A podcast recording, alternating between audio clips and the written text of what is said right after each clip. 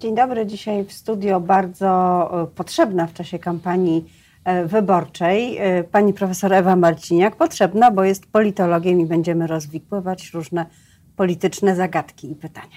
Dzień dobry. Ma, jesteśmy tuż po, czy może w trakcie tak zwanej afery trollingowej, czy też afery hejterskiej w Ministerstwie Sprawiedliwości to jest kolejna e, taka kryzysowa sytuacja dla władzy. E, I przy tej okazji pada pytanie o tak zwaną teflonowość tejże władzy.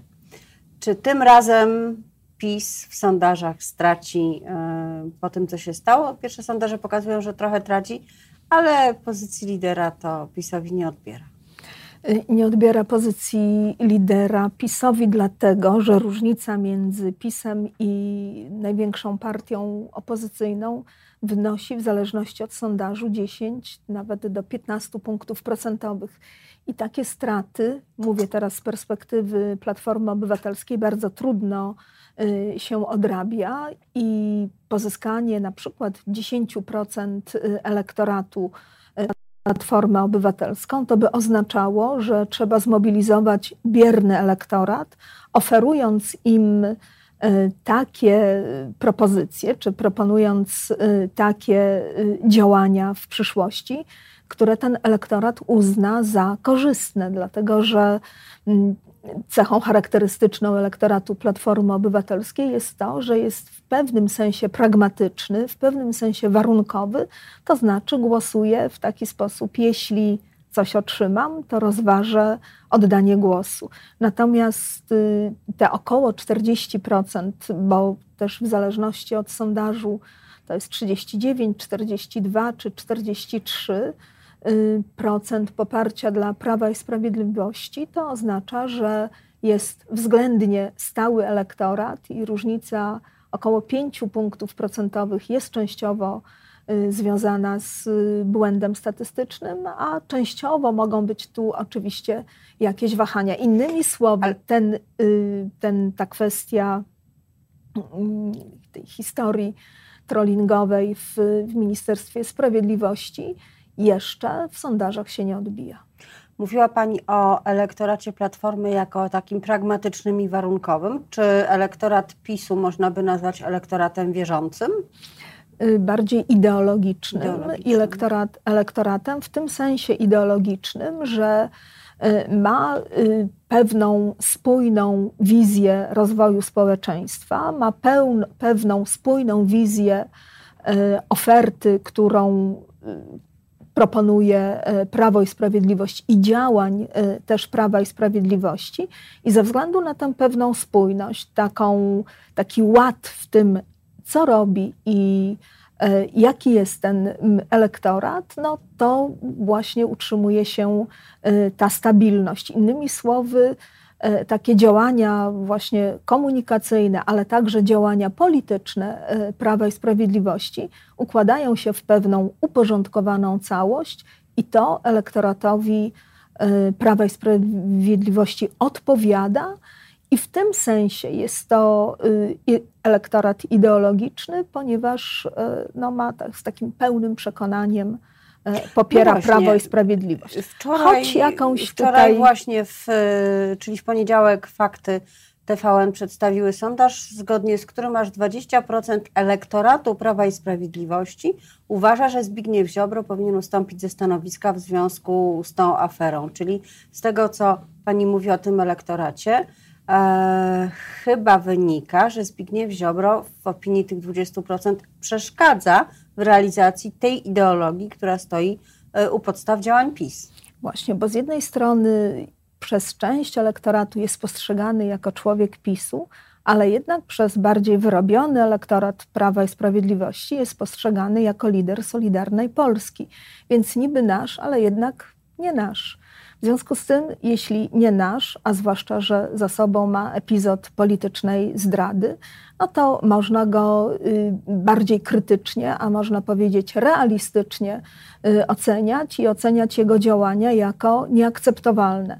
Ale jeśli nawet popatrzeć na elektorat Zjednoczonej Prawicy jako całość, to znajdzie się tam też około 10% takiego elektoratu warunkowego, czyli takiego, który właśnie krytycznie ocenia działania Prawa i Sprawiedliwości przepraszam, działania Zjednoczonej Prawicy, bo tutaj y, bierzemy w tym momencie y, y, całą koalicję rządzącą. W związku z tym, z tym krytycyzmem sądzę, że, że właśnie, że pojawiły się te 20%.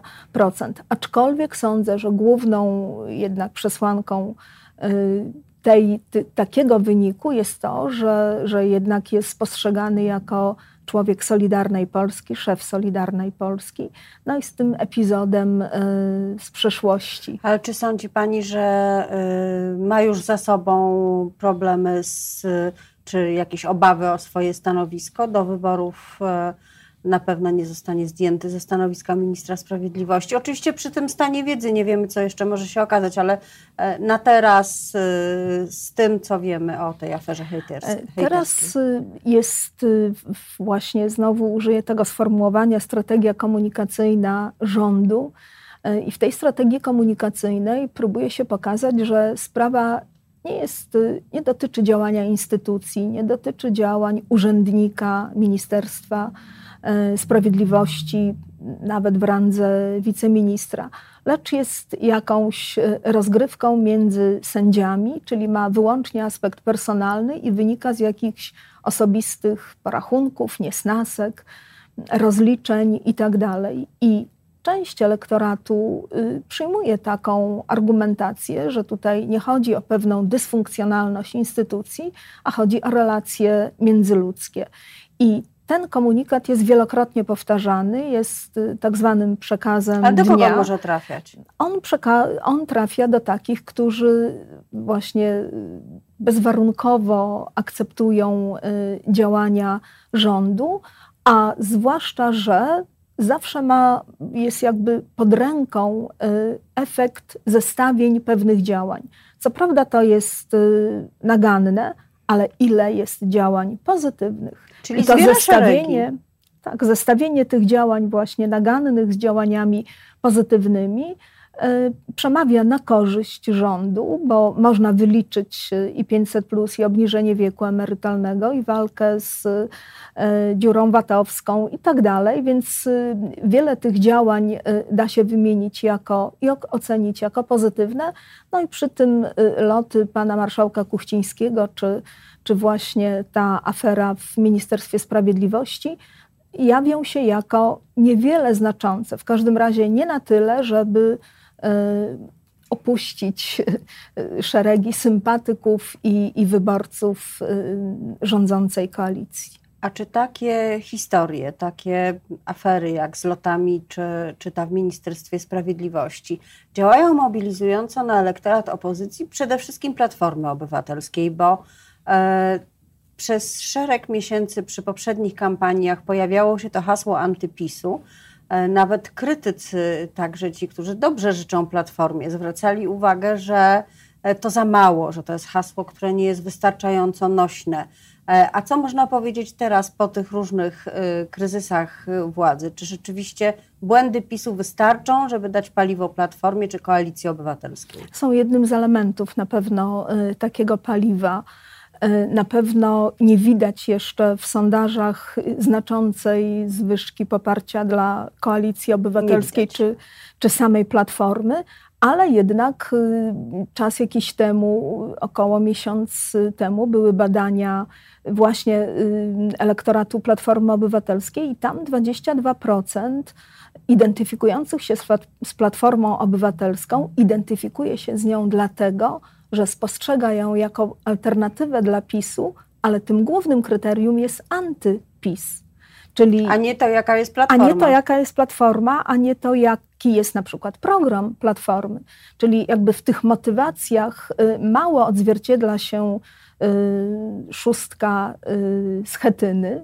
Mało jest o tym y, wiedzy w elektoracie Platformy Obywatelskiej, a tutaj wskażę y, procenty, bo to są 22% elektoratu Platformy Obywatelskiej, spostrzega tę partię właśnie jako taką, która głównie jest antypisem. Ale jak powiedziałam, jest to jeden z czynników, ale niewystarczający. Oczywiście w tym sensie może mobilizować elektorat i Platformy, i elektorat uśpiony, że pokazuje, pokazują te działania y, niektórych y, przedstawicieli rządzących, że, że są one nieakceptowane, że one są poza standardem no tak, pytanie, państwa czy, praworządnego i, i państwa demokratycznego. Czy ten elektorat nie jest już i tak zmobilizowany wystarczająco od czasów e, nie wiem, demonstracji w sprawie Trybunału Konstytucyjnego, demonstracji obrony, obrony sądów przed nowym e, prawodawstwem.